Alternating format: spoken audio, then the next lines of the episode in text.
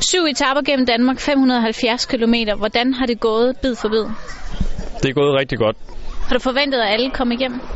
Nej, det havde jeg ikke. Øh, jeg havde en forventning om, at enkelt allerede ville have været røget ud på første etape. Og hvad tror du, der har gjort, at de er kommet igennem? Ren vilje. Fordi de har kæmpet sammen om et fælles mål, nemlig at samle penge ind til de psykisk sårede soldater. Det tror jeg er den eneste grund til, at de kom igennem. Men vilje, er det noget, der kendetegner specielt soldater? Øh, det må man sige. Øh, de har en noget større vilje end os andre, øh, og, og det er det, der gør, at de, de, de er kommet hele vejen til Skagen på cykel i dag. Mark, nu er du efter syv udfordrende etapper endelig noget mål. Hvordan har du det egentlig med at have gjort det? Jamen, øh, jeg er sådan imponeret over mig selv og også lidt stolt. Øh, jeg havde faktisk regnet med, at jeg ville køre to etapper, og så sad jeg nok i bilen resten af tiden. Øh, mest af alt fordi vandet var gået til min, på min træningspas, og det var faktisk ikke gået særlig godt. Men... Hvad er det, der har gjort, at du så har noget i mål? Øh, jeg ved det faktisk ikke.